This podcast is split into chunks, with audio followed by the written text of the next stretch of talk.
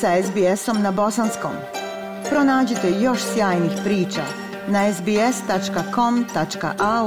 kosacrta bosnijan.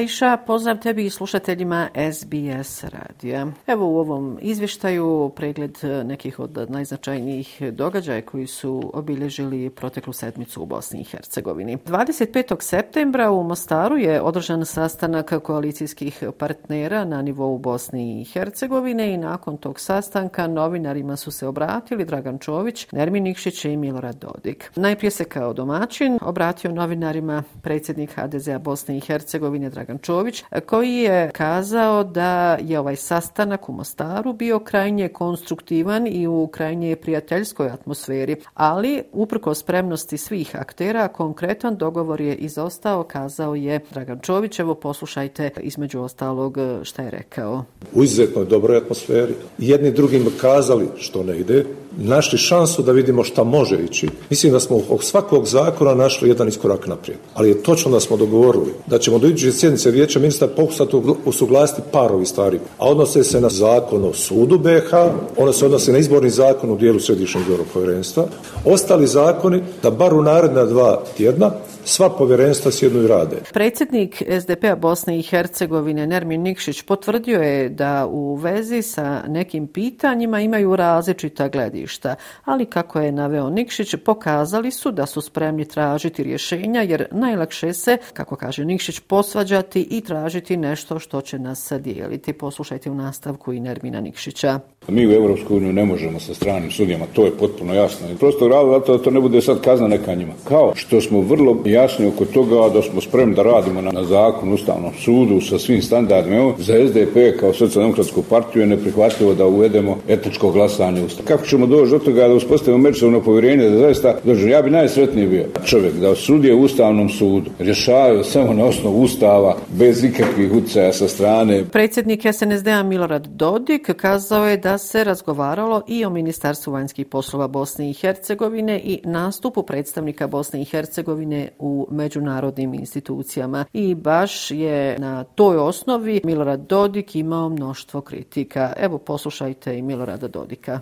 U suštini mi mislimo da to sve treba vratiti na početak i dogovoriti, ali je to ozbiljna stvar. Odnos između predsjedništva, savjeta ministara, ovakvi ponašanja koji imamo, tim zakonom treba propisati da član predsjedništva ne može da iznosi stavove Bosne i Hercegovine lične, nego mora samo, i ako je to uradio, da je to krivično djelo, eto mi to tražimo. Dakle, ne može otići komšić i govoriti šta će govoriti lično, nema odluke predsjedništva, bio sam tam, znam kako to ide. Mi tražimo da kaže da Milorad Dodik ako ode bilo gdje u ime Bosne i Hercegovine kao predsjedavajući saopšti stavove Bosne i Hercegovine koji ne odgovaraju da je krivično djelo. Eto, to mi hoćemo u zakonu spojne politike. Zanimljivo je da su ovdašnji mediji prenijeli informaciju da e, je Agencija za istrage i zaštitu Bosne i Hercegovine, dakle SIPA, pokrenula provjeru diplomatskog statusa visokog predstavnika Međunarodne zajednice u Bosni i Hercegovini Kristijana Šmita. SIPA provjerava i navode o osiguranju visokog predstavnika. Međutim, sa svim je, kako je to zvanično saopćeno iz SIPE, upoznato i tužiteljstvo Bosne i Hercegovine. SIPA je tužiteljstvu Bosne i Hercegovine poslala i dopise koje je dobila od Ministarstva sigurnosti Bosne i Hercegovine i člana predsjedništva Bosne i Hercegovine Željke Cvijanović. Ova je agencija, kako bi se sve provjerilo, zatražila i sastanak sa postupajućim tužiteljem. Podsjetit ću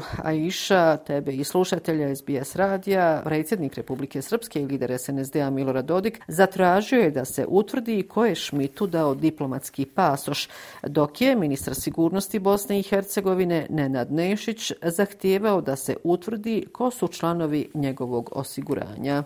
Zasjedila je i Narodna skupština Republike Srpske, a prije toga vlada Republike Srpske povukla je sa sjednice Narodne skupštine Republike Srpske prijedlog zakona o nepokretnoj imovini koja se koristi za funkcionisanje javne vlasti. Kako je pojasnio predsjednik Narodne skupštine Nenad Stevandić, ova odluka Narodnoj skupštini upućena je uz obrazloženje da su potrebne dodatne konsultacije o pomenutom zakonu. Inače, riječ je o zakonu zakonu prema kojem se omogućava knjiženje državne imovine na ovaj bosansko-hercegovački entitet, što je već dva puta suspendovao visoki predstavnik u Bosni i Hercegovini Kristijan Schmidt, a osporavan je i od Ustavnog suda Bosne i Hercegovine. Podsjetit ću prema tom zakonu, nepokretna imovina koju koriste vlasti Republike Srpske jedinice lokalne samuprave, javna preduzeća, javne ustanove i druge službe koje je osnovala Republika Srpska po sili zakona pripada njima. I to je sve pojasnio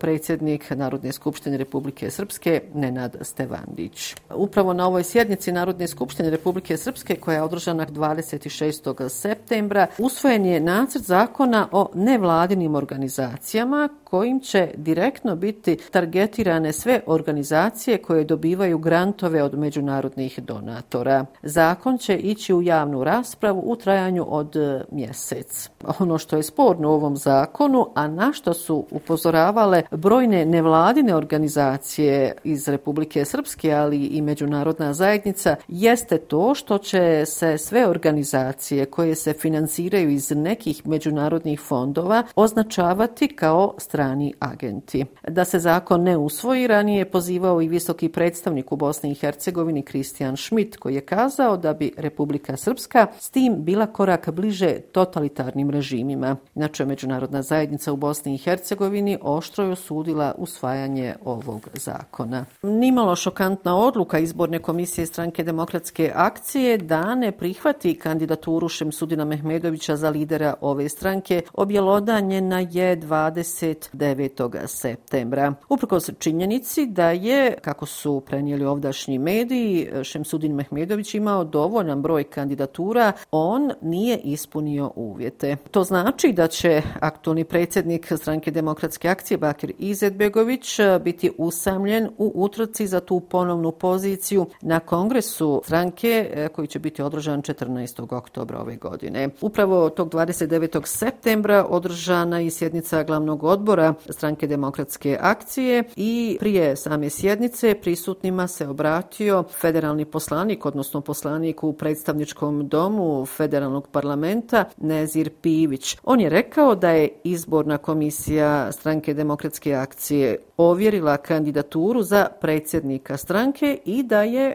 čitav proces unutar SDA vođen u skladu sa pravilima. Evo šta je između ostalog kazao Nezir Pivić. 95 prijedloga je bilo za gospodina Bakira Zetbegovića, dok je 8 prijedloga bilo za gospodina Šemsudina Mehmedovića. Objasnio sam, izborni proces je vrlo jednostavan. Mi sabiremo kandidature pojedinih općinskih organizacija, tako da ni jedan kandidat koji ima interes da bude predsjednik SDA nema ništa sa procesom predlaganja. Dakle, SDA će imati jedinog kandidata za predsjednika stranke. i Rekoh, to će se objelodaniti zvanično na kongresu stranke demokratske akcije 14. oktobra, a 30. septembra održan je i sabor SNSD-a na kojem je ponovo za predsjednika ove stranke izabran Milorad Dodik, koji je eto bio isto jedini kandidat za predsjednika ove stranke. Ono što je simptomatično da je Milorad Dodik obrat obraćajući se ovom skupu, ponovo govorio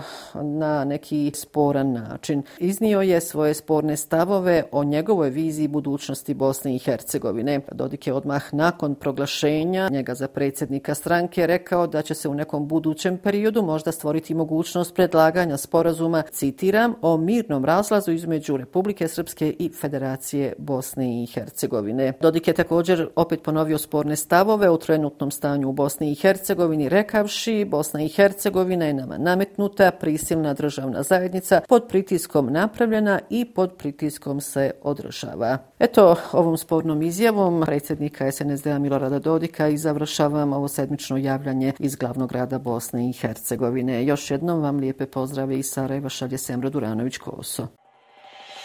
SBS na Bosanskom. Podijelite naše priče preko Facebooka. Želite poslušati još ovakvih priča? Slušajte preko Apple podcasta, Google podcasta, Spotify ili kako god da primate svoje podcastove.